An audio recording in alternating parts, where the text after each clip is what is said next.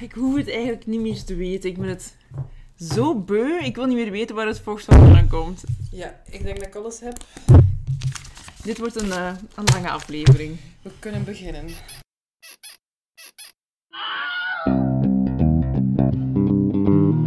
Ik ben Anaïs van Ertvelde. En ik ben Helene de Bruyne en dit is Vuile Lakens. Tijd terug maakten we een aflevering over de vrouwelijke erectie. En dat bracht heel wat mensen blijkbaar in beroering. Seksuoloog Wim Slabink vertelde daarin dat heel veel mensen geen idee hebben hoe groot clitorissen echt zijn. En hij liet daarbij vallen dat alle orgasmes clitoraal zijn. De G-spot volgens hem die bestaat gewoon helemaal niet. Uh, we laten hem nog eens horen. Tot nu toe heeft men nog altijd niet kunnen aantonen dat die bestaat. Hè. Dus het is eigenlijk gewoon het monster van Loch Ness van de seksualiteit. Maar die heeft helemaal geen orgastische capaciteit. Dus je mocht daar zo lang aan frunniken dat je wilt. Het zal zo niet lukken. De meeste reacties die we daarop kregen waren... Hoezo, de G-spot bestaat niet, maar wat voel ik daar dan? Ongeruste mannen vroegen mij wat ze dan in godsnaam wel moet, moesten doen, waar ze dan naar op zoek moesten gaan. En raden we misschien de mensen aan om met hun vingers en hun knuisten uit vagina's te blijven? Dat zouden wij dus nooit doen. Blijf vooral met je vingers en je knuisten in je vagina zitten als het fijn is. Daar zouden we nooit tegen adviseren, nooit. Maar uh, na die afleveringen, door alle reacties die we erop gekregen hebben, zaten we zelf ook nog met uh, enkele vragen. Want wat gebeurt er eigenlijk precies als je die interne clitoris vaginaal stimuleert? Hoe werkt dat wonderlijke orgaan eigenlijk? Zijn er zones die gevoelig zijn dan andere? En hoe komt het dat we spuitend kunnen klaarkomen soms? Heeft dat te maken met die interne clitoris of niet?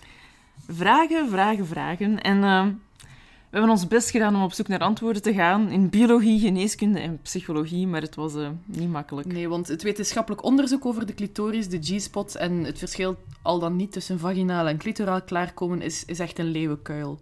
Je moet voortdurend bukken voor de kak die wetenschappers elkaar naar het hoofd aan het slingeren zijn. In 2009 nog organiseerde de Journal of Sexual Medicine een groot debat rond de G-spot. Ik zie helemaal voor mij hoe al die serieuze wetenschappers daar zo woest naar elkaar aan het schreeuwen waren over die G-spot. Maar uh, de onbevredigende conclusie van het debat luidde we weten het niet en er is nog meer onderzoek nodig. Dat is eigenlijk gewoon de conclusie van alles dat met die dingen te maken heeft. Maar wat we dan uh, ergens tussenin wel te weten zijn gekomen, dat delen we graag met jullie.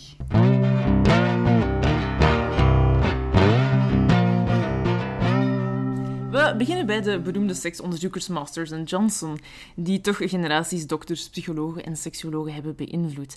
En zij beweren dat de vagina weinig of zelfs helemaal geen erotische gevoeligheid had. En sommige wetenschappers vandaag houden dat nog altijd bij hoog en bij laag vol. Er is geen bewijs voor het ontstaan van een vaginaal opgewekt orgasme. Wat aan mij persoonlijk echt heel vreemd lijkt. Ja, idem. Ik ben niet uh, helemaal overtuigd. Uh. Maar die wetenschappers zeggen dat het bewijsmateriaal oftewel anekdotes is, verhalen van vrouwen zelf, oftewel getest op een veel te kleine groep van vrouwen. Maar ondertussen wordt dat wel tegengesproken.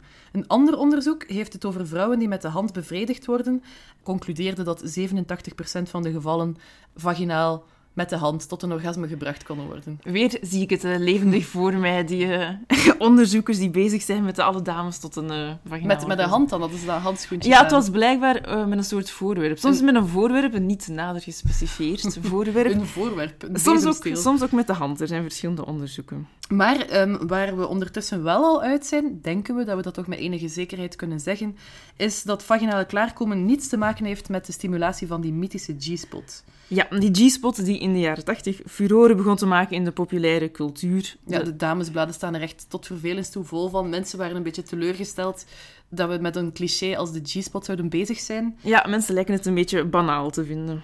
Maar goed, voor de duidelijkheid, toch nog eventjes de definitie van de G-spot. Lotus en Whipple hadden het over. A clearly definable, pea-sized anatomical structure on the anterior vaginal wall, which can change in magnitude up to 2 cm in diameter upon direct stimulation. Ja, Zo'n magisch knopje waar je maar op hoeft te duwen om, om een vrouw gillend en schreeuwend klaar te doen komen, dat spreekt natuurlijk nog altijd de verbeelding. Het zou wel handig zijn, maar ik heb het niet, moet ik zeggen. En de onderzoekers zijn het daar ondertussen mee eens. Het bestaat dus niet. Geen magische knop, maar wel plekken die je vanuit je vagina kunt raken, allerlei plekken, en die aangenaam zijn om te bepoten. Er is dus niet één G-spot, maar iets wat men ondertussen een clito-uretra-vaginaal complex, echt een mondvol, noemen. en in dat complex hangen de vaginawand, die meer zenuwen bevat dan mensen vroeger dachten, die dus, dus wel gevoelig is, de interne grote clitoris, Waar we het de vorige keer over hadden. en die bij opwinding dus groter wordt en dichter bij de vaginawand komt, de plasbuis en al het weefsel met alle zenuwen en klieren die daar liggen, hangt er allemaal aan één, is dat één grote... Ja, en die plasbuis en dat weefsel rond kun je ook raken vanuit de vagina. Als je tegen de vaginawand duwt, kom je daar eigenlijk tegen. En dat is een van de dingen die je voelt en die aangenaam voelen. En een eh, onderzoeker, heet die man, ehm, vat het wel goed samen, vind ik. I think that the bulk of the evidence shows that the G-spot is not a particular thing. It's more like a thing like New York City is a thing. It's a region. It's a convergence of many different structures. En als één stuk van dat complex gestimuleerd wordt, dan wordt de rest ook wakker. Een soort van eh, kettingreactie, laten we maar zeggen.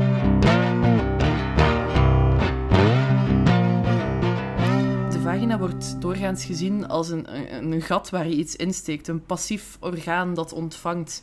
Ehm, Ja, dat- dit soort onderzoek doorbreekt dat beeld dus heel duidelijk. hè. De vagina is een complex dat allerlei dingen doet, dat opzwelt en actieve rol speelt bij opwinding en bij seks. Het gat is meer dan de som van de delen. Wel. Ehm, Daar ben ik een beetje trots op, die woordspeling. het, het mag voor vandaag. En dat hele complex is dus meerlagig en vertakt. En dat verklaart misschien waarop er zoveel manieren zijn waarop vrouwen mogelijk kunnen klaarkomen. Aanraking langs de buitenkant, aanraking van langs binnen, combinaties van buitenkant, binnenkant, een, een plekje ergens op de buik. eh. Ja, daarover vond ook iets in eh, Vagina van Naomi Wolf, dat boek dat ons heel veel is aangeraden geweest, maar waar we eigenlijk niet zo tuk op zijn. Ja, er, er wetenschappelijke verwijzingen rammelen een beetje. En Maar we vonden toch één interessante opmerking. Hopelijk dat dat een, een correcte wetenschappelijke opmerking was. En die kwam van eh, een Dr. Jeffrey Cole, een specialist in de pelvic neurology. En hij heeft over het feit dat zenuwen van iedere vrouw anders vertakt zitten. Sommige vrouwen hebben meer zenuwuiteinden in de vagina, andere meer bij de clitoris, maar ook in het perineum, een anus of juist bij de cervix. wat verklaart waarom sommige vrouwen graag heel diep genomen worden en andere anale seks leuk vinden en sommige vrouwen daar helemaal niks aan vinden. Er is dus heel veel variatie bij vrouwen onderling. Wij hebben ook zo een vermoeden dat als we gezegd wordt vrouwen kunnen niet vaginaal klaarkomen of moeilijk vaginaal klaarkomen, dat het bijna altijd gaat over penis- en vaginaseks. Dus over vaginaal klaarkomen door penisstimulatie. En onze Annex- ons anekdotisch onderzoek, vrij anekdotisch ja, onderzoek... wel, eh, doet vermoeden dat, dat je het wel kan aanleren om, om vaginaal klaar te komen met een hand of met een vibrator.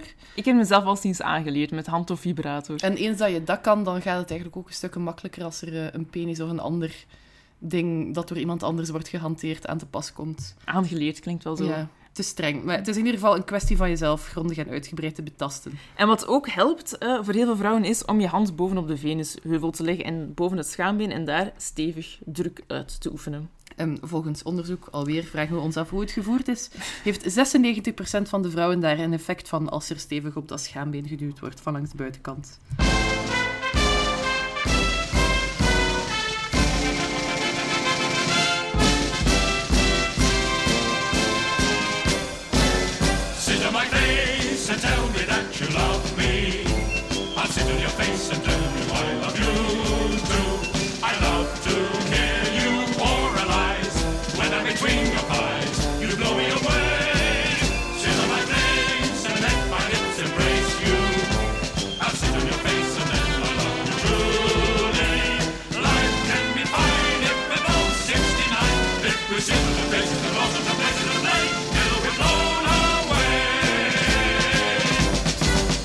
Soms, als het vaginaal betasten echt lekker gaat, dan komt er vocht uit. Best wel veel vocht. Heel veel vocht eigenlijk. En ja, het gaat hier nu dus over de vrouwelijke ejaculatie. Die andere eh, monster van Loch Ness van de seksuologie bestaat die, bestaat die niet. Vrouwelijke ejaculatie, ook wel squirten genoemd in de volksmond. In Engeland werd dat de squirten vorig jaar trouwens nog verboden in porno. Ehm, mannen die vrouwen in het gezicht spuiten, dat mag allemaal nog wel. Maar vrouwen daarentegen, die mogen... geen- Nergens met hun vochten Nee. heen. Dat, eh, dat kan absoluut niet. Dat is obscene. Dat is wel treurig, want volgens seksuologen zijn er nu al heel veel vrouwen die zich vies en abnormaal voelen als ze tijdens het vrij en stevig beginnen te lekken. Ja, in heel wat recent onderzoek waarbij vrouwen het fenomeen bij zichzelf beschrijven, zie je dat vrouwen zich ervoor schamen en dat ze het eigenlijk proberen te vermijden door gewoon niet meer klaar te komen. Wat dan heel triestig is. Oké, het maakt de lakens vuil, maar leg gewoon een handdoekje klaar aan de zijkant en als je, als je het voelt komen, duw het eronder. Maar dan, een van de grote vragen waarmee we zaten was... Wat is dat dan eigenlijk? Dat spul dat soms druppelt, soms tegen de muur spat. Waar komt het vandaan? Kan iedereen het? En zo nee, hoeveel vrouwen kunnen het en waarom kunnen zij het wel en anderen niet? En als je denkt dat de wetenschap al wazig wordt en experts elkaar in de haren vliegen wanneer het over de gevoelige plekken in je vagina gaat, dan heb je nog niet gezien wat er gebeurt als je papers over vrouwelijke ejaculaten begint te Ja, lezen. we werden er echt een beetje moe van. Het gaat dus gewoon om een lichaamsfunctie die anno 2016 nog niet helemaal gekend is. Het is alsof dat we nog niet zouden weten wat er precies in sperma zit en waar het vandaan komt. Nu, het moet gezegd, ik wil de onderzoekers het geven dat het me moeilijk lijkt om het te onderzoeken. Een vrouw in een steriele labsetting tot squirten brengen is misschien niet zo heel Ja, eenvoudig. daar kan ik mij ook iets bij voorstellen, maar aan de andere kant is niet omdat vrouwen het in een lab niet meteen kunnen dat het niet bestaat. Misschien hebben ze ook te weinig proefpersonen genomen of te slechte vibrators. Of... En het gebeurt ook wel in labsettings. Het is gewoon eh, vrij zeldzaam. Eh, laten we nog even terugkeren naar onze vrienden Masters en Johnson ehm, voor het, eh, de anekdotiek. Want die noemden het vrouwelijke ejaculaat een urban legend. En ze gaven vrouwen die het voor hadden de raad om eh, kegels, ehm, zo van die um, bekkenbodemspieroefening te doen, omdat ze dachten dat die incontinent waren. Ja, of zelfs om eh, een operatie te ondergaan, om er iets aan te laten doen. Nochtans, ehm, gewoon in de praktijk neukende mensen van over de hele wereld weten al langer dan 2000 jaar dat het bestaat. Je vindt het eh, fenomeen eigenlijk terug in allerlei niet-westerse teksten ook. We hebben Taoïstische teksten uit de vierde eeuw waarin dat erover gesproken wordt. Zelfs Galenus, meestal niet onze vriend, had het erover. Eh, Zevende eeuwse Indische gedichten, uiteraard. Sutra. Uit de Kama Sutra. En zelfs onze Reinier de Graaf, de 16e eeuwse anatoom, waar we het in de aflevering over de clitoris over hadden, die de clitoris toen al ontdekt Ja, had. die man was goed bezig eigenlijk. Die wist de clitoris al leggen en die wist dat er ejaculaat bestond. Helaas zijn ze hem daarna een beetje vergeten wat dat betreft.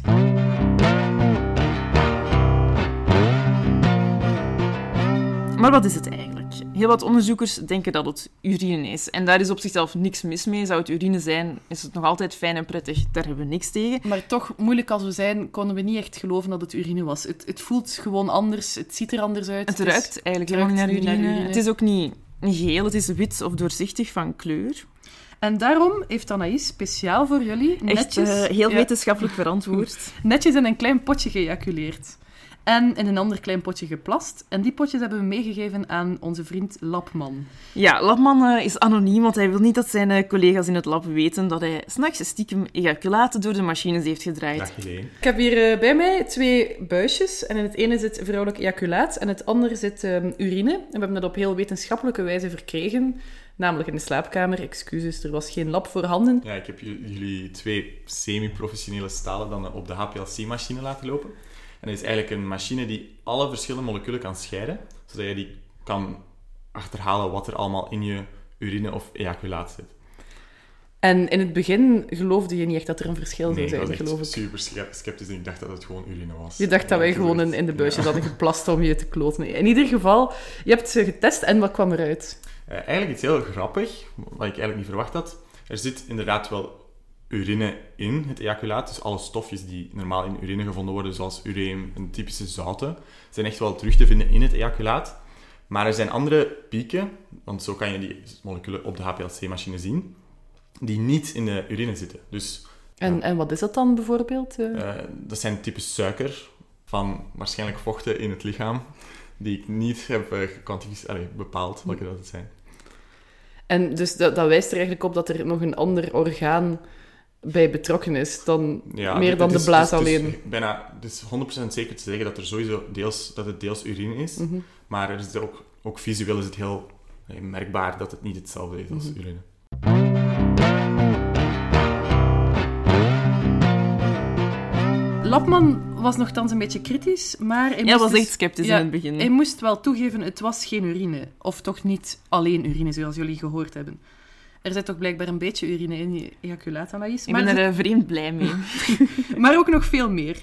Maar om te weten wat het dan is, moeten we eerst kijken naar waar het vandaan komt. En hier wordt het nog ingewikkelder dan het al was. Oké, hou je vast. De vrouw heeft ook een prostaat. Alleen zo wordt hij eigenlijk niet genoemd. De medische wereld spreekt over de parauretrale klieren of de klieren van Skene. Maar in de baarmoeder ehm, worden die uit hetzelfde cellenmateriaal opgebouwd als de prostaat van de man. En je vindt eh, die klieren eigenlijk rond de plasbuis, eh, links en rechts. Verwarrend genoeg blijken niet al die, alle vrouwen die klieren te hebben. Sommige onderzoekers hebben het op, van eh, 6 op 10 vrouwen, andere 8 op 10. Alle onderzoeken waar we naar verwijzen trouwens vind je ook terug op onze site. Voor moest je het nog eens willen nalezen allemaal. Maar ik raad het niet aan, het is, eh, het is niet echt vlotte lectuur. In ieder geval, dat, dat zou dus eventueel kunnen verklaren waarom sommige vrouwen wel kunnen ejaculeren en andere gewoon niet. Het is dus perfect oké als je het niet kan. Maar- uit die klieren van skenen zou bij de juiste stimulatie enkele witte druppels komen. En hier wordt het echt interessant. Als men die druppels analyseert, worden er stoffen gevonden die ook in mannelijke prostaatvloeistof zitten. Wat nog eens de theorie bevestigt dat die klieren van skenen eigenlijk uit hetzelfde materiaal gemaakt zijn als de prostaat bij de man. Ja, volgens sommige onderzoekers. Dan andere onderzoekers rollen gillend Ja. over de grond als je dat beweert. Maar ik vind dat het plausibel klinkt, in ieder geval. Daar baseren we ons op. Maar nog iets wat bizar is, daar ging het over druppels. Terwijl als het bij ons gebeurt, dan zijn het niet een paar Nee, druppeltjes. nee, het gaat niet over druppeltjes. De lakens zijn nat, de handdoeken moeten aangerukt worden.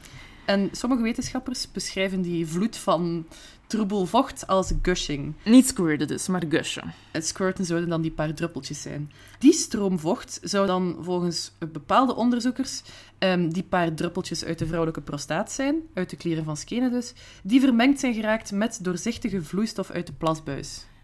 Urine dan toch. Ja, nee, zo ruikt het in ieder geval niet. En het voelt ook niet als plotse incontinentie. Men heeft het eerder over een soort verdunde pis, want er zitten wel restjes van ureum en zo in. Op basis van alle artikels die ik heb gelezen, zou ik zeggen, als ik een gok mag wagen, verdunde pis. Verdunde pis. Daar gaan we voor. Het slaat wel ergens op, want ehm, die klier van skenen, zoals we net zeiden, zitten la- langs de plasbuis. Dus misschien wordt er dan een en ander opgewekt en komt die verdunde pis eruit, neemt die, die druppeltjes vocht vanuit de klieren van skenen mee en wordt dat dan naar buiten gecatapulteerd tijdens het eh, ejaculeren. Oké. dat was een, eh, een hele boterham. En dan hebben we de helft van de hypotheses nog eh, links laten liggen. We hopen die verder uit te werken in het eh, Vuile Lakens boek. Want er valt nog van alles te vertellen over dit onderwerp.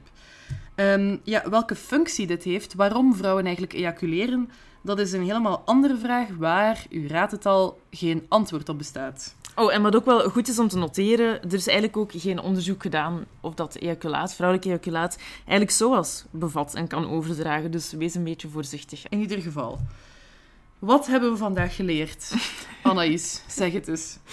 Ehm, ik zou zeggen dat onze broekjes toch weer zijn afgezakt van hoe weinig de wetenschap eigenlijk 100% zeker weet over klaarkomen, waar dan ook klaarkomen, en over spuiten. Er is geen consensus over wat het precies is, waar het vandaan komt en waar het voor dient. Of hoe het wordt opgewekt. Oh, ja, dus we weten eigenlijk niks. Ik denk dat we een soundbite van een diepe zucht moeten hebben om aan het eind van elke aflevering te zetten. Dus bij deze diepe zucht. Diepe zucht. Dat moet eigenlijk beter kunnen, vinden we. Niet, niet alleen om, om leuk te kunnen vrijen, maar ook omdat er waarschijnlijk nog van alles in dat duistere gebied van de, de vaginale zone zit, waarvan men niet weet waar het precies voor dient. En dat dus bij bevallingen of operaties per ongeluk zou kunnen geraakt Ja, worden. dat is denk ik Helena haar Ja. allergrootste Daar angst. ben ik een beetje bang voor, dat ik... Bij een eventuele bevalling of operatie, eh, dat er zenuwtjes geraakt nee, dat, worden. Dat, eh, nee, daar ben ik een beetje bang voor, inderdaad. En we kregen ook eigenlijk zin om zelf bij te studeren, omdat... eh, ja, Ja. heel deze episode gaf me echt het gevoel, ik moet meer weten. Ja. Ik moet op zijn minst seksuologie, misschien zelfs geneeskunde gaan doen, want dit moet verder uitgespit. Het is misschien een beetje ambitieus om te denken dat wij het zouden kunnen uitspitten. Maar in ieder geval, het is allemaal nog een duister gebied daar beneden. Maar net daarom is het volkomen belachelijk om je te schamen over wat er allemaal uitspuit en of niet uitspuit. Of je wel of niet vaginaal kan klaarkomen. Het is Het- geen normaal. Ik het- denk dat we het daarop Ja. kunnen houden. En wat ook wel het leuke is met onontgonnen gebied, jij kan lustig de ontdekkingsreiziger zijn van dat eh clitoris uretra vaginaal complex. Dus ga maar lekker eh, op verkenning daar beneden. Ik zie een rode draad in onze... Alweer een rode draad. Ga maar op verkenning en de wetenschap weet het eigenlijk niet. Ja. Dus dit was een tamelijk volle aflevering, vol wetenschappelijke papers. Maar de volgende wordt eh, een beetje luchtiger, want dan gaan we hands-on aan het testen met eh, condooms onder andere. We hebben Ja. een paar proefpersonen. Die onderworpen zijn aan van alles. Van eh, vrouwencondooms tot lamshuidcondooms. Jawel, En alles daartussenin. Dus blijven luisteren. Dankjewel.